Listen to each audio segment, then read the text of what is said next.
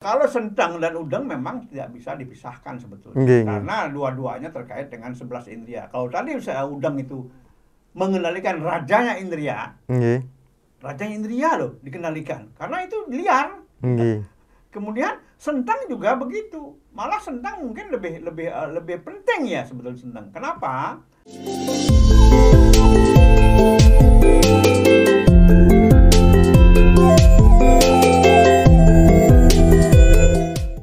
Om Swastiastu, salam rahayu Bapak Ibu Mas Sedharma dan penggemar Hindu Channel. Pada hari ini kita membahas hal yang paling dasar bagi umat Hindu, tentu saja kenapa menggunakan senteng dan udeng. Ini sudah semua umat Hindu tahu, udeng dan senteng. Namun kita bahas lagi-lagi bersama Aji Dewa Suratnaya kalau di Jawa biasa disapa Romo Dewa Suratnaya sebagai wakil ketua Sabawalaka. Om Swastiastu Aji. Swastiastu Miko. Astungkare setiap minggu kita ketemu nih Ji. bagus, bagus. Nah, kemarin kita membahas eh, tentang cuntake. Nah, Ya. sekarang kita membahas tentang udeng. Kemudian saya bawa contohnya nih. Sentang. senteng nih kan. Nah, maknanya secara umum udeng dan senteng ini selalu kita pakai. Apa sih Ji sebenarnya? Ah, di Nusantara, ya, udang itu sesungguhnya tidak selalu dikaitkan dengan kegiatan keagamaan, Nggih. tapi lebih kepada atau lebih menjadi sebuah identitas. Umumnya suku-suku di Nusantara ini punya model udang sendiri, ikat nggih. kepala sendiri. Di Jawa saja yang pulaunya tidak terpisah-pisah dari Jawa Barat, Jawa Tengah, Solo, Jogja, Nggih. Jawa Timur, Madura, lain-lain semua udangnya. Ya, tapi yang jelas itu merupakan sebuah eh, identitas dan ini mengikat mereka. Artinya apa? Udang itu menjadi sebuah kebanggaan. Hmm. Nah, kemudian kalau sekarang kita lihat bahwa udang ini ya istilahnya terlibat dalam kegiatan keagamaan, ya ini karena perkembangan budaya keagamaan. Iya, iya, iya. Nah, tapi yang jelas mereka semua sebetulnya punya punya alasan ya, Nggih, nggih. punya nilai-nilai filosofi Hmm. ya terkait dengan udang yang diikatkan di kepala. Nggih, nggih. Ya, kenapa udang semua diikatkan di kepala? Nggak ada udang yang diikatkan di lengan, ya di kepala. Arti- Artinya Iya. apa? Kepala itu merupakan sebuah eh, apa sesuatu yang dianggap paling luhur, paling tinggi, Hmm. paling luhur dan paling dihormati. Nggih, nggih. Ya. Nah, keluhuran inilah kemudian ya menjadi sebuah objek yang eh, dikaitkan dengan udang ini, ya keluhuran, keluhuran dan nilai-nilai luhur itu kan juga terkait dengan nilai-nilai ketuhanan. Iya. Ya. Nah, sekarang begitu banyak udang di Indonesia, ya tidak mungkin kita eh, bahas semuanya. Semua, iya, iya. Tapi yang jelas udang itu semua dipakai dikenakan di kepala. Nggih. Nah, yang berikut mungkin udang juga digunakan sebagai kelengkapan dari busana adat. Masing-masing wilayah, masing-masing daerah, masing-masing etnis di Indonesia ini, Hmm. di Nusantara ini. Ya, jadi kelengkapan ada nilai filosofisnya, ada nilai apa namanya nilai seninya, Nggih. estetikanya, juga ada nilai ritualnya. Hmm. Ada seperti misalnya di umat Hindu di Bali. Nggih, nggih. Ya, contoh yang pertama jelas udang sebagai kelengkapan Nggih. busana adat. Kedua, udang digunakan untuk kegiatan keagamaan dan juga kegiatan non keagamaan, sosial non keagamaan. Gunakan juga udang itu. Nah, kemudian eh, udang itu di- eh, bukan diberikan makna ya. Memang memang yang membuat itu kalau di Bali kan tidak sembarangan membuat sesuatu yang Nggih. eh, memiliki nilai tinggi dan nilai filosofis ya. Seperti udang misalnya. Kenapa udang misalnya bagian kanannya Nggih, lebih tinggi? lebih tinggi gitu kan. Ini kan tidak lepas dari konsep dharma dan adharma. Hmm, nggih, nggih. Jadi itu mengingatkan sebetulnya bahwa umat Hindu di Bali selalu mengedepankan dharma dan selalu mengendalikan adharmanya. Yang Kan pasti di sebelah kanan gitu. pasti sebelah kanan karena Hmm. dianggap kanan tuh eh, namanya eh, tengen ya. Kanan itu dianggap eh, positif dan dianggap eh, nilainya nilai kebenaran, nilai kebaikan dan dharma di sana. Nggih. Kalau yang kiri lebih rendah biasanya. Iya. Ya, seperti itu ya. Jadi pertama konsep udeng di Bali itu ada kandungan dharma dan adharmanya. Iya. Jelas itu. Kemudian seperti yang Miko gunakan juga sekarang itu kan ada bagian dari udang di depan yang menghadap ke atas, lurus. Nggih, lurus nih ke Nah, atas. ini juga simbol bahwa kita ini selalu berusaha untuk menjadi orang yang lurus, selalu Hmm. memuja yang di Yang- atas, yang kita ya. katakan yang Maha Esa, ya Brahman, Sang Yang Widiwasa itu. Nggih, nggih. Selalu ke atas, ya. Nah, kemudian juga ada ikatan yang ke kanan, ke kiri. Niki, nggih, Ya, ada ke, ke kanan, ke kiri, dan ke bawah. Kalau ikatan ke kanan itu, ya, itu biasanya disimbolkan sebagai Wisnu. Hmm, Nah, kalau ke kiri Brahma, kalau ke bawah Siwa katanya. Iya, iya. Nah, inilah nilai-nilai yang terisi dalam sebuah udang. Nah, sekarang tuh apa sih pakai udang? Perlu nggak Iya. pakai udang? Ya kalau ke pura harus nggak pakai udang? Nah, memang sih tidak ada hukum yang jelas. Artinya eh, harus begini, harus begitu. Kan selalu Hindu tidak pernah memaksakan. Apalagi untuk hal-hal yang seperti ini. Yang kemungkinan di dalam sastra pun tidak Iya. banyak disinggung tentang udang ini. Jadi sebetulnya ini eh, merupakan budaya yang masuk ke ranah keagamaan. Nah, kemudian itu ada panca janendria itu sih. Art- maknanya apa udang? begini. Eh, apa pun yang dilibatkan ke dalam kegiatan keagamaan oleh umat Hindu di Bali tidak akan lepas dari pengendalian diri. Hmm. Pengendalian ini termasuk yang dimaksudkan adalah pengendalian terhadap indria-indria kita. Hmm, nggih. Ya. Nah, tentu yang di kepala menggunakan udeng ini terkait dengan indria-indria yang juga ada di bagian atas tubuh, Tubuh, manusia. Hmm. Nah, kita tahu bahwa menurut Hindu ada 11 indria. Ya, Eka dasendriya. Eka dasa indriya. 11. Dan yang menjadi rajanya indria, rajendriya ini adalah otak. hmm. Mana pikiran ada di atas. Ini yang paling penting. Nggih, nggih, Ya, nggih. karena menurut Sarasa Muscaya, pustaka Sarasa Muscaya, bahwa pikiran seseorang manusia itu seperti monyet liar, sulit dikendalikan. Hmm. Coba kita ingat, begitu kita berpikir tentang patung Liberty yang di Amerika, seolah kelihatan dengan nyata. Nggih, oh nggih. iya, patung itu ada, wah, sebuah pulau kecil, kemudian di atasnya ada orang yang sedang memegang obor. Begitu cepat jalannya pikiran. Hmm. Maka sering dikatakan bahwa pikiran adalah medan potensial yang tidak terbatas. Ke mana pun Hmm. sampai dia, ke mana pun sampai, ya. Itu sebabnya diibaratkan oleh Sarasamu saya sebagai seekor monyet liar yang sulit dikendalikan. Nggih, nggih. Itu untuk mengikat pikiran kita nggih. Nah, Nah, kemudian sekarang udah apa? nggih. Nah, Nah, kemudian Ji, kita udeng itu udah lumayan nih gitu kan. Nah, sekarang senteng Ji. Nah, senteng itu maknanya apa Ji? Apakah Nah. harus dijadikan satu kesatuan? Ji? Yo, kalau sentang dan udang memang tidak bisa dipisahkan sebetulnya. Nggih. Karena dua-duanya terkait dengan 11 indria. Kalau tadi saya udang itu mengendalikan rajanya indria, Nggih. rajanya indria loh dikendalikan. Karena itu liar. Nggih. Kemudian sentang juga begitu. Malah sentang mungkin lebih lebih eh, lebih penting ya sebetulnya sentang. Kenapa? Orang mengatakan, wah sentang itu kan membuat orang jadi anteng katanya. Ya boleh saja ya. Tetapi selain itu sebetulnya sentang itu diikatkan di bagian pinggang. Itu terkait dengan yang namanya karma indria, panca karmendria. Nggih. Lima indria-indria yang kita gunakan untuk berkegiatan. Nah, lima indria itu apa? Tangan, nggih. kaki.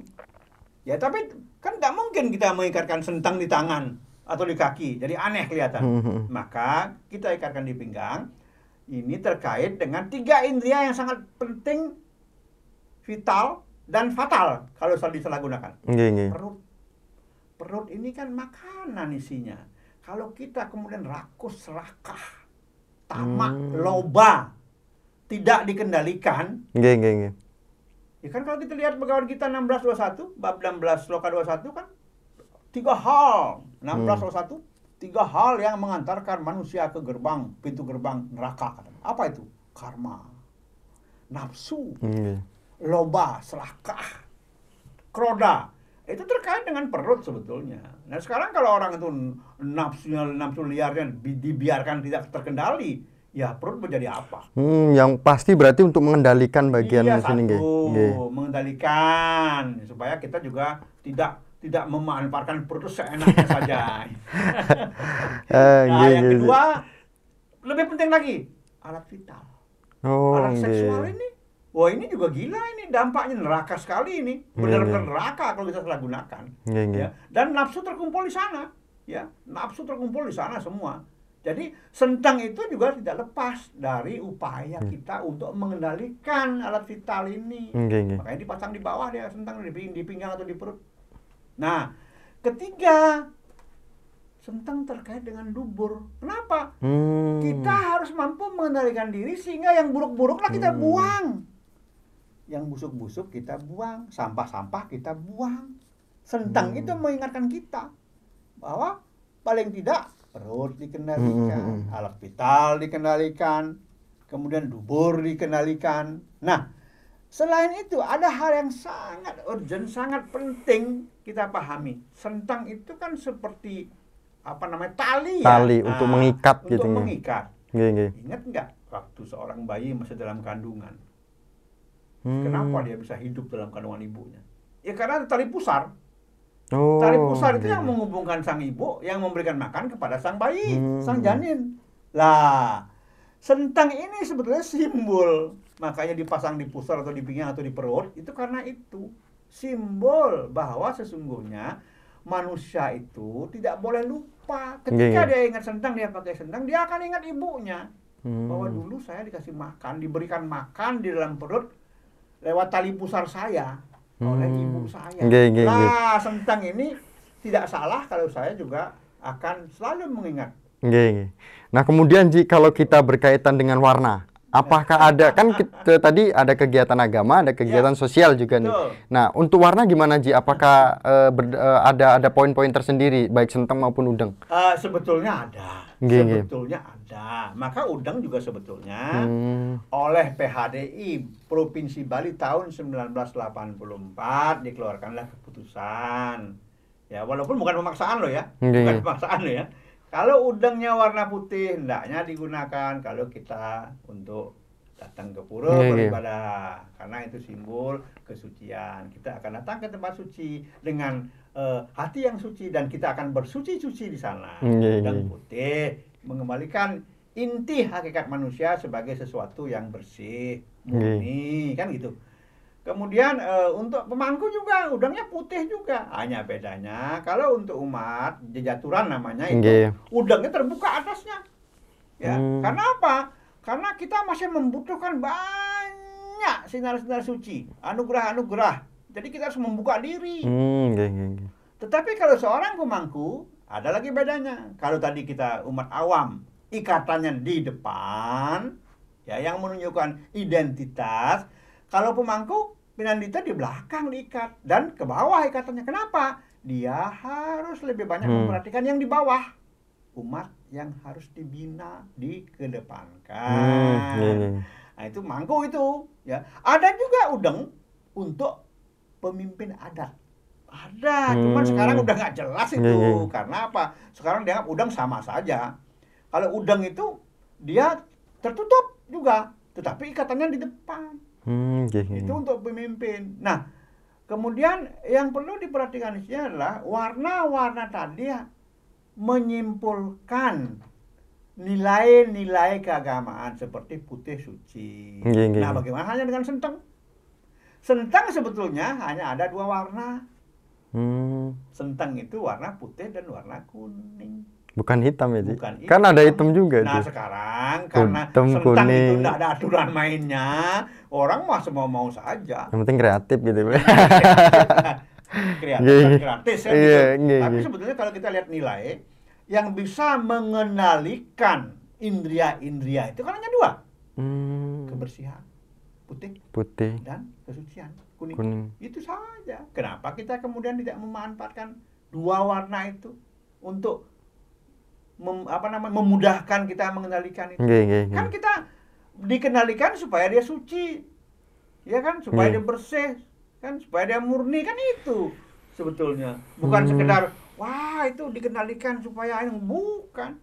Nggih. Dikendalikan, disucikan dengan sesuatu atau sarana yang atau alat yang digunakan menyucikan juga harus sesuai. Nggih, nggih, Ji. Kemudian eh, kalau kita sudah menyesuaikan itu, sekarang apakah ada perbedaan Hmm. antara kegiatan sosial dengan kegiatan agama Ya. untuk khususnya Senteng dan eh, Udeng ini? Ah, Apakah ada perbedaan dan perbedaannya di mana, ah, sebetulnya ada.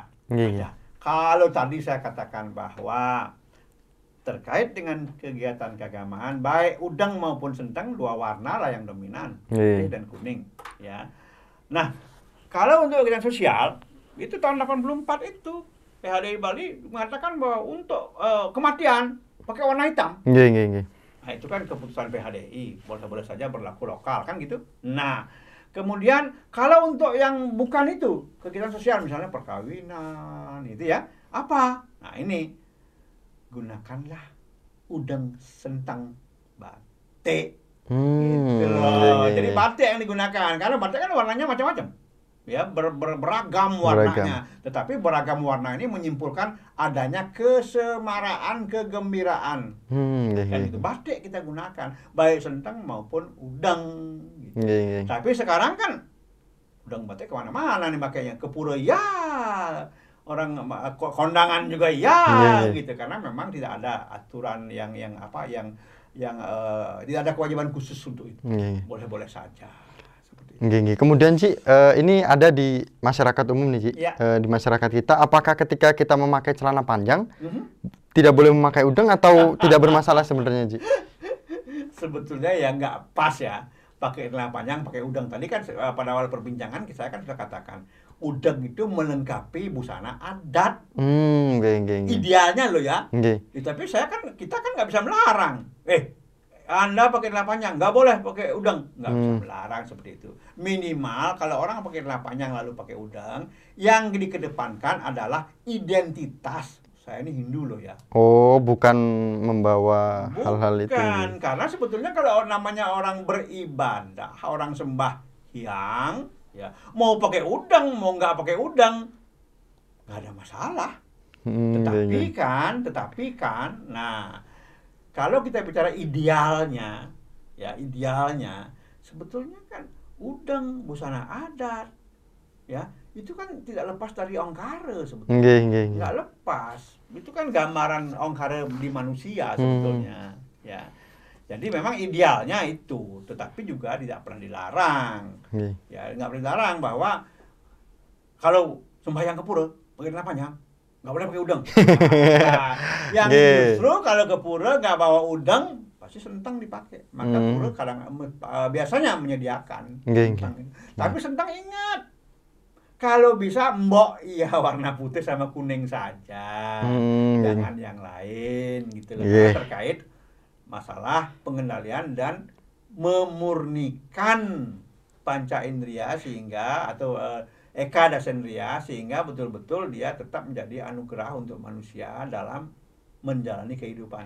Nah, sekarang ter- terakhir nih Ji, apakah kita harus menggunakan udeng dan senteng bagi umat Hindu? gitu. Atau eh, mungkin udeng itu kan ada blangkon, ada lestari dan sebagainya gitu. Apakah kita harus menggunakan Nah, itu? Coba lihat kalau busana orang ke pura sekarang, Nggih. ya. Kan ada busana jadi ka- pakai kamen ya, Eh, pakai kain, kamen, gitu. kemudian pakai udang aja nggak ada yang pakai sentang. Nah, Tapi gitu. ada juga yang pakai kamen, pakai udang, pakai sentang juga. Nggih. Nah, jadi secara filosofi memang ya, memang sebetulnya dua-duanya dibutuhkan. Nggih. Secara filosofi loh ya. Nggih, nggih. Tetapi ya secara filosofi dibutuhkan dua-duanya. Tetapi untuk praktisnya kalau sudah pakai udang nggak usah pakai sentang. Nggih. Tapi kalau pakai panjang nggak pakai udang, sebaiknya pakai sentang. Kan Nggih, itu nggih. sebetulnya. Jadi Nggih. ya boleh dipakai dua-duanya, tapi juga tidak ada keharusan. Ya. Hmm. Tapi ingat sekarang, tadi saya katakan juga bahwa kamen itu kan jadi Nggih. pakai udang, nggak ada pakai sentang atau jarang yang pakai Hmm. sentang. Ada kadang kecuali kadang-kadang tidak dalam upacara tertentu, tapi misalnya lagi ngayah di pura, Hmm. ngayah di pura pakai udang, ada yang pakai sentang juga. Banyak saya lihat seperti itu. Nggih. Jadi idealnya kedua-duanya memang dibutuhkan. Itu aja. Ya. Suksema Haji. Wah, pembahasan kita hari ini berkaitan dengan udeng dan senteng. Pada hari ini kita akhiri Haji nggih Nggih. eh, dengan para Mas Santi. Om Santi Santi Santi Om. Nggih, suksema Haji.